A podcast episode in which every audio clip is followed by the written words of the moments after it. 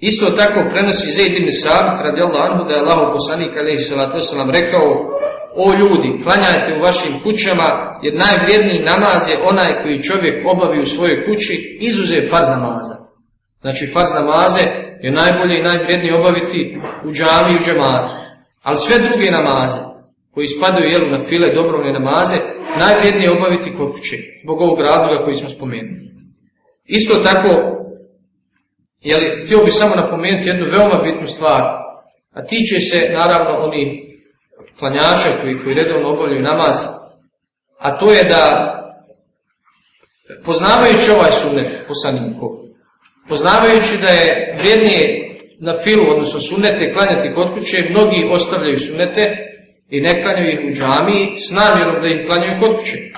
Međutim, tu se šeitan poigra, poigra se s ljudima, pa zbog zaborava ili zbog zauzetosti nakon izlaska iz džamije, vrlo često ostavimo te sunete i ne klanjamo ih.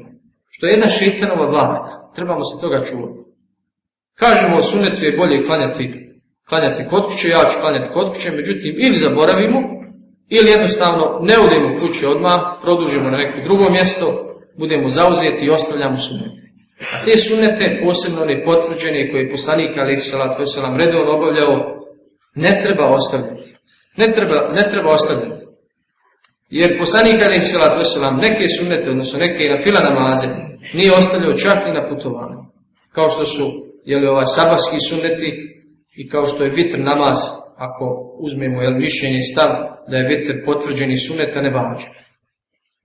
Zato prije svega jel, posjećam sebe pa i vas da obratimo pažnju na ovaj bitan moment ovaj, da baš oni ljudi, ove nove generacije muslimana, ja tako nazivam, uglavnom mlađe generacije i omladina, da zapostavljaju sunnete. Što je naravno pogrešno.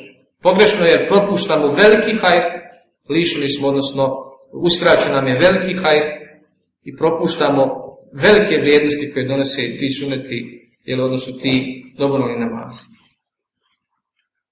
Kaže imam i nebebi, u ovom hadisu kaže postiče se da, da se namaz klanja u kući iz razloga što je tako namaz skriveniji od pogleda ljudi. Sami smo u kući, sami klanjamo i to je bliže iskrenosti. Dalje kaže od toga da se obavlja namaz radi ljudi i više je zaštićeno od uzroka propadanja.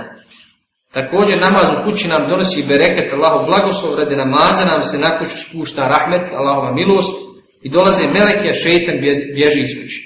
To sve razlozi zbog kojih trebamo na file obavljati a razlozi su svakako veliki i ovaj